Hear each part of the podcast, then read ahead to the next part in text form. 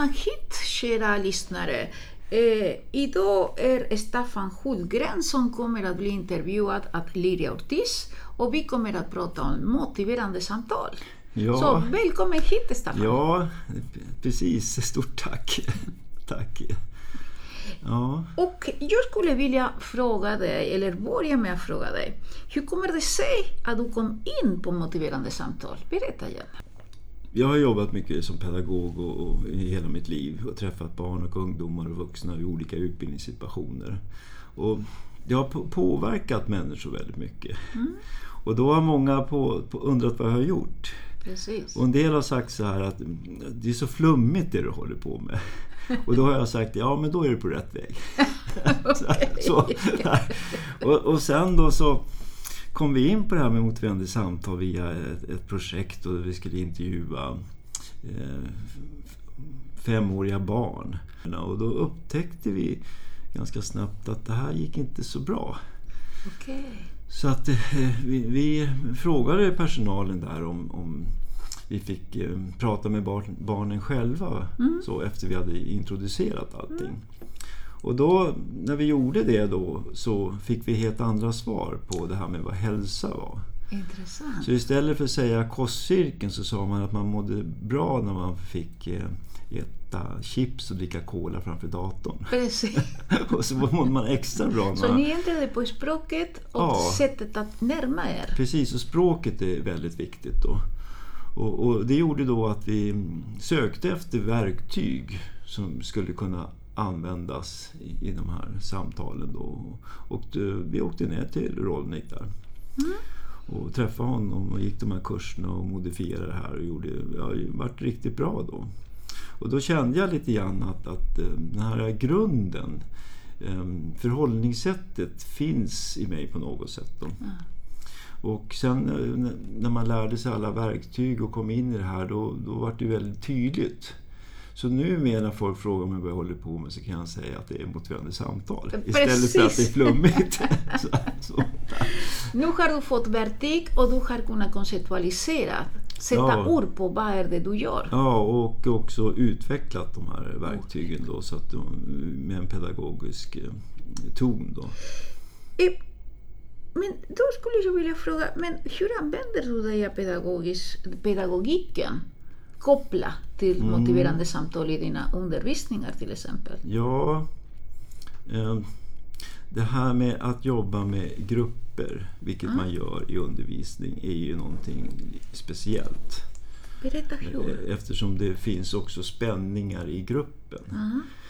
Och min grundtanke har ju alltid varit att eh, när jag träffar ungdomar eller barn eller vuxna och så att mm, utveckling, jag är inte så viktig utan mm, er utveckling är viktigare. Och vad är det du vill utveckla då? Ja, oftast då så har jag en, en fråga som jag har hos mig själv när jag träffar för mig okända människor som jag inte ställer kanske men är lite nyfiken som präglas av mitt sätt att vara med andra människor. Och den frågan är Vem är du och vad vet du om dig själv? Det finns här när jag träffar en person. Alltså vem är du egentligen och vad vet det du om dig själv? kraft i den där Ja, och, och, och, och sen har, jag då, har det blivit så under åren att det har blivit verktyg till att personer får upptäcka sig själva då, på ett vänligt sätt på hur de är. Och då när de upptäcker sig själva så kan det ibland vara så att de ligger väldigt nära MI som förhållningssätt. Eller så kan det vara att de ligger väldigt långt ifrån. Och då blir resan det. väldigt lång för den personen då. Att man ligger långt ifrån förhållningssättet. Jo, men du sa att där kommer också in EMI i den där att man upptäcker att man är närmare eller långt ifrån sig själv. Utveckla lite mer där. Vad Ja, tänker du där? eh, om jag kortar ner det till eh, empati, sympati och kontroll. Så eh, om man har en, väldigt stor vilja att kontrollera sin situation och kontrollera andra om hur det ska vara. Då blir MI väldigt knepigt att komma in i eftersom det bygger på respekt för att andra ska bestämma själv. Utan om man har en egen vilja på andra människor, hur de ska göra, vad de ska göra Mm. och så vidare. Och det där krockar ju direkt i pedagogiken. Mm. Om jag har en tydlig vilja om att den här kursen kommer att se ut på det här viset, punkt slut. Då kommer det att krocka med de som har ett eget kontrollbehov. Så, Precis. så jag har liksom inga färdiga program sådär. Då. Utan jag möter människorna utifrån det och så börjar vi helt enkelt med att hitta, mm, var är vi någonstans då? Och eh, i motiverande samtal så möter man ju många människor som har hög sympati. Och om man har hög sympati då så kan man bli väldigt hjälpsam. Att man kan gå in och, och hjälpa människor som inte har frågat efter det.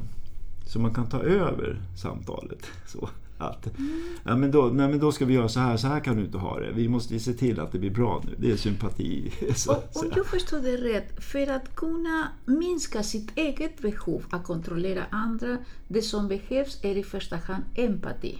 Ja, lite så. Att man kommer in i ett empatiskt tankesätt. Okay. Att man lär sig att läsa andra människor och att man tränar på att läsa människor och tränar på att eh, acceptera människors olika sätt att se på saker och ting. Och hur tillämpar du den i dina undervisningar? Ja, vi börjar ganska tidigt eh, med övningar. Så, och det, det är väl, jag framhäver oftast att här, allt vi gör här är ofarligt. Det, ingen kommer råka ut för någonting utan det här är trevligt. Så det är inga rollspel brukar jag säga. Det brukar en del tycka är jätteskönt.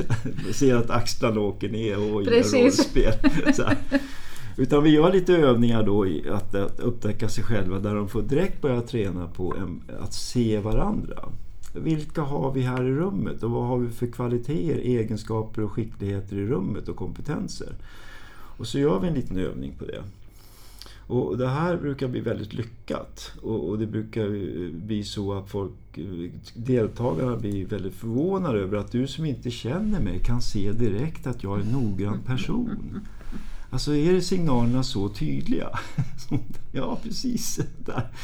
Och så upptäcker man olika. Någon är bra på att vara betraktare, någon är bra på att lyssna, någon är bra på att tänka och vara filosofisk och det och så. Andra är flexibla och kreativa, väldigt, andra är väldigt pratbara och så vidare.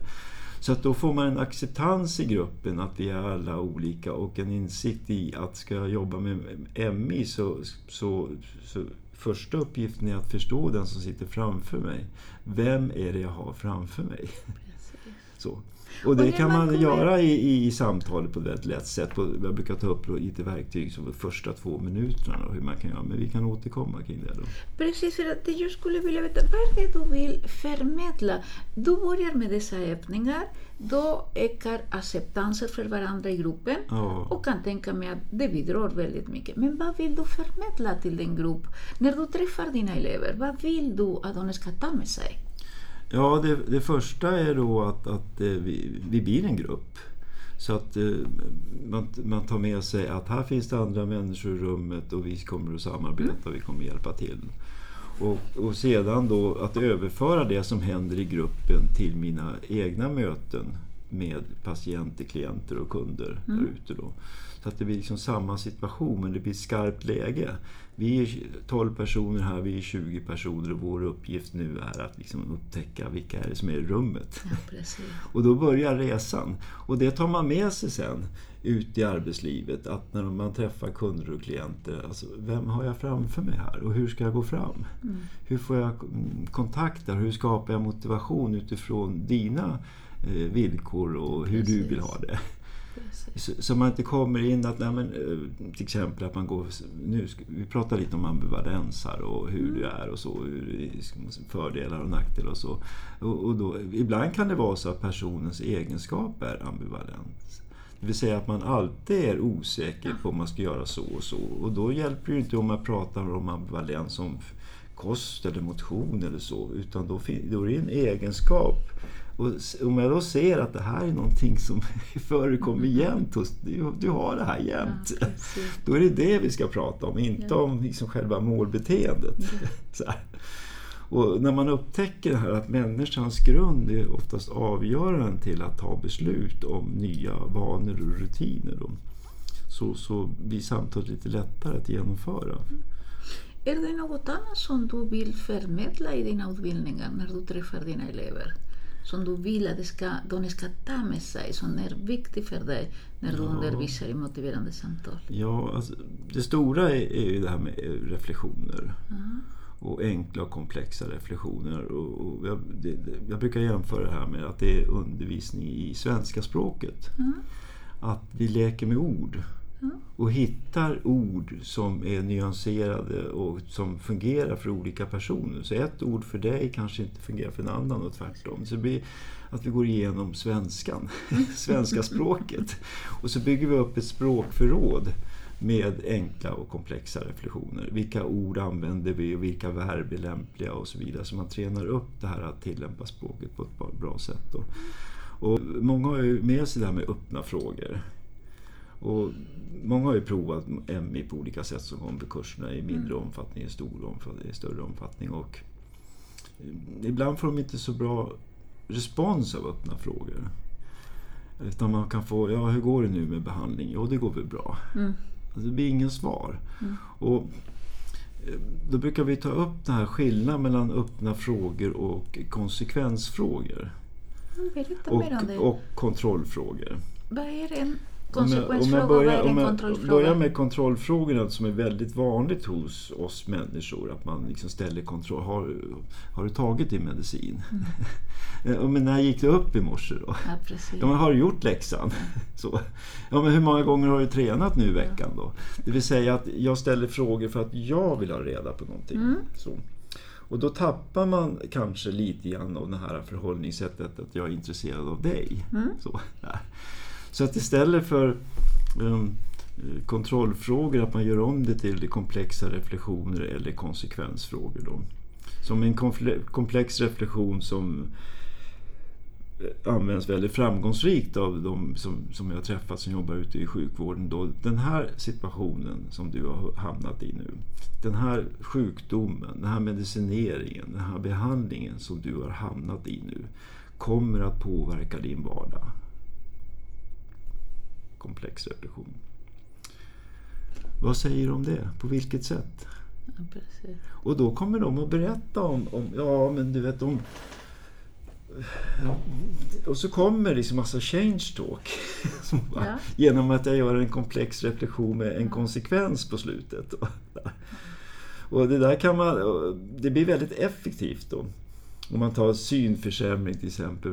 Att den här synförsämringen som du har fått nu, det, kom, det påverkar din vardag. På vilket sätt? Så det du menar är, ställer jag en konsekvensfråga eller gör en komplex reflektion där det ingår en konsekvens, Ja, precis. då kan hjälpa patienten, klienten, Ja, att kunna fortsätta prata för att det är exakt. förknippat med förändringspratet. Exakt. Är det det som du menar? Ja, ja. Att, man, att en del ser inte konsekvenser av sina situationer. Precis. Utan man eh, väcker de tankarna. Så att det, om man lägger på rena konsekvensfrågor så kan man säga till exempel om du skulle gå in i den här behandlingen, hur skulle det bli för dig då? Så nosar man på svaren om de ser att det här kommer att hända någonting. Och om det nu fortsätter som du gör nu, hur blir det då för dig? Precis. Och sen också om en del säger att ja, men det här ska jag göra nu och det, det, jag går in i det här programmet nu och det, det, här känns meningsfullt. Då kan man ställa en konsekvensfråga på det här viset då att mm, så det här är någonting du kommer att göra nu, bekräfta det. Mm. Så det du gör just nu, hur passar det in att det ska bli så som du berättar? Och då får man oftast svar som ja, ja det är ju inte så mycket. Ja. Jag tänkte ju inte göra det här nu. Utan det får, får nog bli sen. Ja, när jag har bättre tid. Så det här är ingenting för dig nu då. Och då följer man upp det med de här två frågorna. Så, så om du gör någonting nu, hur blir det då? Och om du inte gör någonting, så hur blir det då? Och då mm, påverkar man motivationen till att personen kanske tänker att det är nog dags att göra någonting nu. Precis. Precis. Inte Så- om ett halvår. Om vi summerar lite, en kontrollfråga handlar om att jag själv vill veta någonting. Ja, Personen ska ta exakt. inställning till Ja. det här. En öppen fråga handlar mest om att personen ska komma fram med sin berättelse. Ja, En konsekvensfråga har mycket mer att göra med att hjälpa personen att komma in på vad är konsekvenserna Ja. och utifrån det är förknippat också med förändringsbrottet. ja Är det så du menar? absolut. Och då får man väldigt mycket förändringsprat som man kan ta tag i sen och utveckla. Och i kurserna då så generellt under alla år, det har ju blivit många år nu, nästan 20 år sedan. Så. Väldigt mycket erfarenhet, Ja. Staffan. Ja, och då så, så är det många som kommer in i, i, i till handlingsfas och dylikt, att man ska göra saker och ting. Då. Och sen så blir det inte av. Så att, säga. Så att man får väcka tankar om att det, det, att det verkligen blir en konsekvens av det som du kommer att välja att göra nu. Precis. Och, och, och, och det, det är rätt intressant att se. Det här fungerar även på femåringar. Så att det, liksom, Ja. det är samma princip. där. Och apropå det, eh, bara som en kort, eh, du har också skrivit väldigt bra böcker kring den här. Ja, absolut. Vill du säga lite kort om det är ena en av dina böcker, Mm. Smarta barn. Smarta barn och tid för samtal. och där utvecklar du också dessa tankar. Ja, precis. Eh, Så att, eh, hur man kan arbeta. Det här gäller ju för en själv också. Man är ju inte någon helig person på det. Utan Ja, man får ju ständigt... Precis. Precis. Man får ju ständigt fråga sig om om jag gör så här nu då, hur blir det då nästa vecka och hur Ja, blir helgen? Och, och det där gör väl många naturligt. Men just när det gäller då att hitta motivation hos andra så, så kanske man gör det när det gäller saker som man ska göra. Eller si- situationer man hamnar i. Men just att utveckla nya vanor och rutiner så kanske det inte är så vanligt att man funderar de här Precis. frågorna. då. Många gånger kanske skulle vi vinna på att gå tillbaka till oss själva och se att det är inte heller lätt för oss att göra beteendeförändringar. Och kanske skulle öka den där Ja, ja, acceptansen för att jo, vi kräver från andra.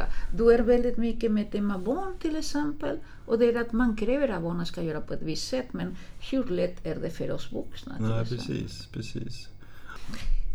Vill du lägga till något annat kring den här frågan? Om vad är det du vill förmedla? Vad vill du göra? En sak till då angående utbildningar så Ja. när man har grupper och så. Jag brukar börja den här processen väldigt tidigt. Inte i kursrummet. Hur gör du då? Jag fångar upp människor, deltagare, tidigt i mail eller i, utanför kursrummet eller via entrén och så vidare. Så att jag skapar individuella relationer med så många som möjligt. Så att det är klart när vi kommer till kursrummet. Hur gör du det? Berätta. Ja, det är väldigt många och så är nyfikna. Ja, Hur hälsa gör dem du då? välkomna tack för att du kom. Och, mm, du har erfarenhet av det här. Hur kommer det sig att du har valt det här? Och kan jag hjälpa dig med någonting? Och hur ser du på den här kursen? Och Mm. lite allmänna frågor och så. Så att alla känner sig bekräftade. Då. Och, att, eh, och det fortsätter jag med naturligtvis under kursen hela tiden. Då. Så att eh, vem som helst, det här är en policy som jag har nu i kurserna. Då. Två stycken. Det ena är vem som helst får avbryta mig och det är helt okej. Mm. Jag kommer aldrig avbryta dem. Ja, okej. Så jag kallar det för fördelsprincipen. Det vill säga att de, man ska bli, känna sig väldigt viktig då. Ja. När jag släpper in ordet och jag går inte in och säger att nej, det tar vi sen. Utan berätta, vad tänker du ta upp? Ja. Och det gör att eh, människor blir lite lugna i det. För då vet de att om de har något viktigt så tar vi upp det. Och så anpassar jag mig till det då. Och Vilken sen när det är den gäller... andra principen? Ja, den andra principen är ju alla träningar och gruppövningar. Att jag delar inte in grupper av slump. Utan i och med att jag har lärt känna folk, deltagare de första fyra timmarna. Så sen när jag delar in i grupper så gör jag det med siffror slumpvis. 4, 3, 2, 6, 1, 5. Och då vet jag vilka tvåor som ska vara ihop. Beroende på egenskaper och, Ja. och personligheter. Så jag sätter ihop människor fast de själva inte märker det. I olika grupper. Så att de, de kommer till, eh, får, får energi från nya människor och får kreativitet från sin motsats. Så inte blir samma liksom, ingång i Precis gruppen. som man förstärker inte varandra. Nej, precis. utan det, det, och Precis. det, det där fungerar väldigt bra. Det brukar jag kunna släppa på i slutet på kursen. Och då gör deltagarna så själva. För de är vana vid det, att söka upp en ny person hela tiden. Vana att hela tiden söka upp en ny person. Det går av sig själv sen efter första dagen. Fantastiskt. Kära lyssnare, det här är del ett. Men vänta där, det kommer fortsättning här. Så ni kan vänta på någonting väldigt spännande och väldigt lärorikt. Ha det gott än så länge.